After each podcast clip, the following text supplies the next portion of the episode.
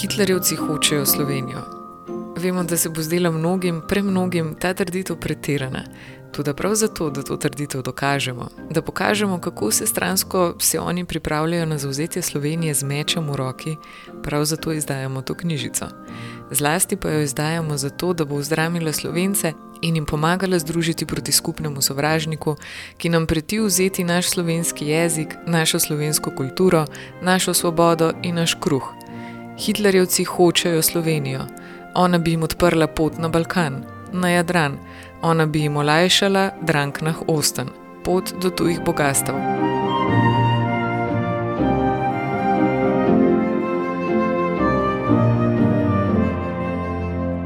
Smo pozno v letu 1937. Študent Ben Anderwald v brošuri na 28 straneh poroča o hitlerijanskem gibanju iz nekaterih najbolj izpostavljenih slovenskih mest: iz Maribora, Ptuja, Slovenske Bistrice, Slovenskih Konic, Kočevja, Celja, Ljubljane, Jesenic in tako dalje.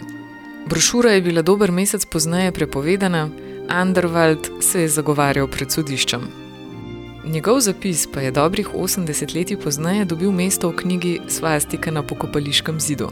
Zgodovinarka Mateja Rate je v njej obravnavala hitlerizem v širši okolici Maribora v 30 letih 20. stoletja, tako da je preučila 150 kazenskih spisov iz tistega časa. Medtem ko sem pregledovala kazenske spise, sem opazila, da so primeri z področja hitlerizma zelo pogosti. In uh, sem hitro zaslutila, da, uh, da moramo govoriti o nekem množičnem uh, fenomenu, še zlasti, ker uh, sem o hitlerizmu tako po fragmentih in uh, sporadično brala v literaturi, v kakšnih spominskih zapisih, bolj malo pa seveda v šolskih berilih, šolskih čitankah. Nekako je povojno slovensko zgodovinopisje, ki je bilo seveda duhu socialističnega sistema eh, ideološko obarvano, skušalo nekako v duhu te zmagovalne miselnosti na zavezniški strani nekako zamovčati, da je tudi v slovenski skupnosti uh, obstajal nezanemrljiv delež tistih, ki so bili pred drugo svetovno vojno, pristaši Hitlerja in uh, ki so pravzaprav želeli, da nemška vojska prodre in pa zasede tudi Štajersko. In uh, prav kmalo se bomo skupaj z Matejo vrnili nazaj v 30. leta, v čase, ko so bili za Androvalda njegova sedanjost in jih je opazoval tako kot mi svojega današnjega. Dodajmo prej samo to, da ta podcast nastaja v sodelovanju s portalom Erbe Letrina, ustvarjava pa ga Klara Škrinjar in Maja Čakarič. Z Matejo Ratej sem se tudi tokrat pogovarjala Maja. Anderwald je torej videl, kako je nemška narodna manjšina pri nas do Hitlerjevega vzpona na oblast lojalna jugoslovanski državi, potem pa je opazil drastično spremembo. Že samo v kulturi oblačenja, recimo. Moški so v znak privrženosti nemštvu nosili kratke jopiče, bele nogavice in štajerski klobuk, ženske pa zelene ali rdeče obrobljene majice, bele nogavice in štajerski klobuk. Trgovine in trafike so krasile Hitlerjeve slike. Maribor Zeitung pa je postal žarišče širjenja nacistične ideologije. Mateja Ratej, ki je sicer zaposlena na Inštitutu za kulturno zgodovino ZRC SAZU, svoj poklicni pogled usmerja v to, bom rekla v navednicah, umestno obdobje med vojnama.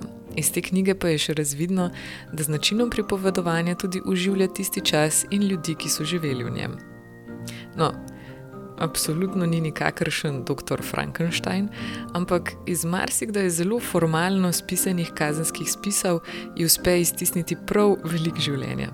Morda tudi zato, ker sama najprej dobršen del raziskovalnega dela preživi v samelih prostorih z arhivskim gradivom, ko pa tega nagrmadi na računalnik. Tem ni več eh, tako bistveno, kje eh, preostali del pravimo. Tako da sama, ki prisegam na inspiracijo, eh, tega nikoli ne počnemo v pisarni, ampak zelo veliko krat eh, na nekem javnem prostoru, pogosto sem pisala v kavarnah, ko smo pač eh, kavarne še imeli. In tak eh, nek nemir kavarniškega življenja mi je pravzaprav omogočal, da sem hkrati s tem, ko sem se globoko potapljala v neke pretekle imaginarije, ohranjala nek svoj stik z realnostjo. Ne. Namreč že hitro sem ugotovila, da je ta zdrs med sedanjostjo in preteklostjo za nekoga, ki se s strastjo spušča v neka pretekla dogajanja, lahko kar usoden. Če se spomnite enega zelo ekstremnega primera, zelo uglednega ruskega znanstvenika, ki se je ukvarjal eh, dolga leta, poglobljeno, sistematično z Napoleonom, potem začel preoblačiti v eh, Napoleona in na zadnje mislim, da. So našli v njegovi šolski aktovki glavo njegove asistentke. To so res ekstremni primeri. Ne? Ampak povedati želim, da igranje s preteklostjo ni za vsakega. Nevarnosti, da bi jo tako potegnilo v izmišljeni svet, ni bilo. Je pa iz knjige razvidno, kako hitro te lahko potegne ven. V Hitlerju je seveda marsikdo videl odrešenika. O tem pričajo mnoge osebne zgodovine pripadnikov nemške skupnosti pri nas, sploh pa slovenskih delavcev, služabnikov, kmetov, viničarjev. Predstavljal je obljubo o boljšem svetu. Zakaj pravzaprav? In kako načet je bil njihov svet? Rada rečem, da je štajerski hitlerizem uh, odličen odraz uh, velikih družbenih nasprotij, ki so se v 30 letih močno zgostila tudi v prvi jugoslovanski državi, s tem, ko je državo zajela, so zajele posledice svetovne gospodarske krize.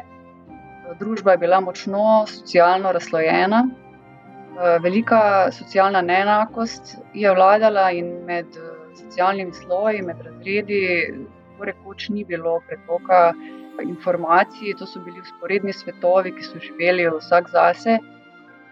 Ljudje so v takšnih okoliščinah seveda eh, želčno pričakovali nekoga. Najlažje je vse upe položiti v eno samo osebo in upati, da bo ta razrešila vse te zapletene družbene konflikte. In eh, slabše izobraženemu eh, sloju prebivalstva, ki so ko so kot sezonski delavci prehajali mejo z Avstrijo in tudi Nemčijo, hitro videli, kaj pomeni urejeno delovno razmerje. Pri sosedih je bila v tem primeru trava res videti zelena, na našem dvorišču pa klavrno rjava. V 20-letnem obstoju jugoslovanske države ta ne samo, da ni uspela vzpostaviti nekega simbolnega skupnega prostora, skupnega imaginarja, temveč je tudi uh, slabo poskrbela za posamezne socialne sloje. Viničari so imeli izredno slab položaj, eh, tako rekoč v feudalnih odnosih, so živeli v odnosu do svojih eh, delodajalcev, do lasnikov vinogradov. Druga skupina, recimo, so bile eh, hišne pomočnice, zelo številen sloj žensk, torej, ki so jih zaposlovali premožnejše družine. Skoraj da vsaka, vsaj količka premožna družina, je imela svojo hišno pomočnico njihov položaj pa je bil zelo neurejen. Ne. Vsa njihova socialna mreža je bila močno natrgana. Težko se je bilo prebiti kakšen kavelj više po družbeni lestvici, in tako so ostajali pri njenem dnu, ali pa še niže, če je to sploh možno. Mateja Rate je zasledila zanimiv fenomen, da precej kazenskih spisov poroča o hitlerizmu med nezakonskimi sinovi teh dekal, ki so, ko so zanosile, pristale na cesti. In takšna družbena stigmatizacija je te mlade moške dobesedno porinila v objem neke ideologije, ki pa je govorila o moči, ki je govorila o nekem samozavestnem nastopu, eh, o neki afirmaciji. Ne. In vse to so seveda neki detajli, ki bi jih zlahka prislikali tudi v današnji čas.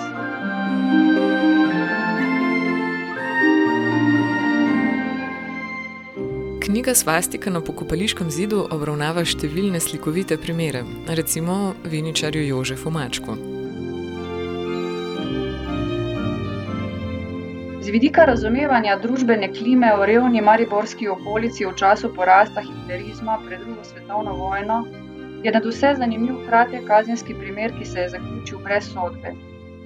Njegov glavni akter je bil 20-letni viničarski sin Jožef Maček iz Večine.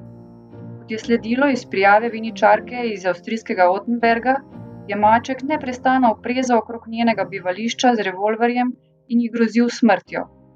Bode že videla ti nemška avha, bode Hitler prišel sem doli k nam, tedaj bodem tudi jaz pristopil k SA možem, potem bode že videla.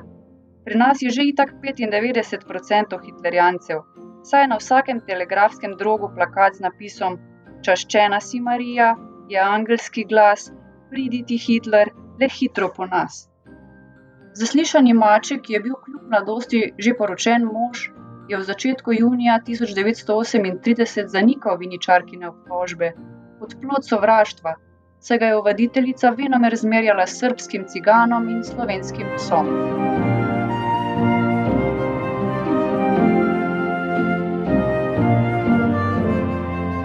Je država ob takšnih primerih na svoji severni meji bolj zamahnila z roko ali jih je vzela zelo resno? Država se je zavedala, vendar je hitlerizem v skladu z dobrimi odnosi z Rajhom obravnavala v veliko milejši obliki kot pa komunizem. V Beogradu je bilo posebno sodišče za zaščito države, ki je bilo pristojno za reševanje to vrstnih kaznjivih dejanj, ki pa je komuniste obsojalo na 10-18 letne robije, torej najtežje oblike prestajanja zaporne kazni, medtem ko so hitlerijanci um, lahko šli iz nekega kazenskega procesa z enim mesecem ali pa nekaj meseci zaporne kazni. Ki so jo seveda razreševala potem uh, redna sodišča, ne posebno sodišče v Beogradu.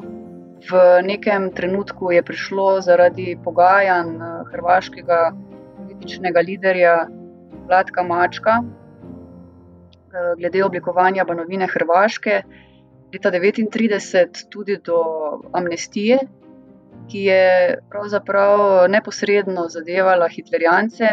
Ob branju knjige se sicer zdi, da je bilo precej navijaštva posledica pobalinstva, marsikdaj podkrepljenega z alkoholom. Leta 1939 je mladi domačin iz Gorišnice upil. Mi v Mariboru zabavamo žandarmerijo in policijo, pa nam nič ne morejo. Vedeti moramo, da je generacija mladine v 30 letih eh, mrzlično iskala nekih novih eh, identitetnih oprijemališč. To je bila generacija, ki je rasla po prvi svetovni vojni, ko je imaginari padel zaradi eh, razpada imperijev, avstro-ogrskega, ruskega imperija, ko se je Evropa nekako spostavljala na novo, z vzpostavitvijo novih držav. Pa seveda v kratkem času, enega desetletja, niso uspele izgrajevati nekih svojih eh, kolektivnih oprijemališč, nekih eh, trdnih točk, ki bi povezovali državljane, simbolnih točk. Ne? In uh, zato je mladina zlahka padla v ideološke, pravzaprav uh, neke trdno izgrajene ideološke uh, boje. Tu vidimo tako v strmi rasti komunističnega gibanja, kot v porastu hitlerizma ali pa nacizma. In uh, vidimo, da so bili tu pač lahko tarča ravno mlajši moški. Ne. Sicer pa v Mariboru uh, in v okolici ne govorimo pri slovencih o nacifikaciji, ker tu ni šlo za politično organizirane posameznike. Ni šlo za politično delovanje, da bi se denimo nekdo, ki se je imel za pristaša Hitlerja, potem tudi politično aktiviral in deloval za to v tej smeri. Matej opozarja, da je podstat za hitlerizem na Štajerskem res druge. Nedvomno je posledica družbene neenakosti, vsaj pri slovencih, ki so si slikali fantazmo o boljšem življenju. Drugače pa je bilo z nemško manjšino pri nas. Nemška manjšina se je zgodaj v 30 letih nacificirala, predvsem iz razloga, ker je videla v Hitlerju možnost priključitve Štajerske nemškemu krogu. Sami so pravzaprav to svojo nacionalno politiko eh, zelo ostro vodili proti slovencem že eh, od konca 19. stoletja, pa pred Prvo svetovno vojno. Potem pa so se vloge za kratek čas zamenjale, ko so politično nekako nadvladali slovenci. In uh, z začetkom druge svetovne vojne so se potem ti izseljeni in razočarani Nemci, ki so pogosto našli zatočišče v Gracu in okolici, z veliko slopom maščevanju vračali. Ne? Uh, tu so potem najdemo tudi odgovore na to uh, siloviti val maščevanja uh, po okupaciji. Ne? Kaj pa pravzaprav pred njo? A so slutili, da vse poti peljejo v vojno? Je bila vojna v njihovem predstavnem svetu mišljena kot nujna katarza, za katero si je treba prizadevati, ker bo nekako čistila nesnago starega sveta? Absolutno so pričakovali vojno, eh, na koncu že vsi do zadnjega. Pravzaprav tudi eh, iz kazenskih spisov je razvidno, da seveda ljudje že z gotovostjo govorijo o vojni. Ne. Se pravi, da potem, ko je Hitler pri, priključil češke sudete in uh, Avstrijo, je bilo samo še vprašanje časa, kdaj bo napadel tudi ta severni del, kdaj bo priključil tudi Štajersko. Ne. Sicer pa so komunisti že v začetku 30-ih let opozarjali na to, da se pripravlja nova vojna. Občutenje vojne je bilo zelo značilno za čas med obema vojnama. Najprej v prvem desetletju, po prvi svetovni vojni, so bili ljudje še močno preživeti eh, s posledicami prve vojne, že kmalo v 30-ih pa je bilo jasno, da bo nastopila nova vojna.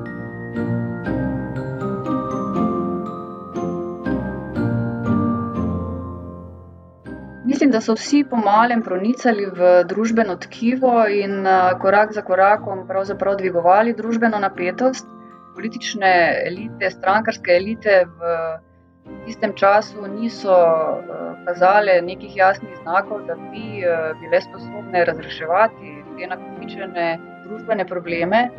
In zato so pač utrpele izgubo zaupanja svojih voljivcev, uh, so ljudje nekako rešitev svojega socialnega položaja iskali zunaj teh uh, etabliranih političnih struktur.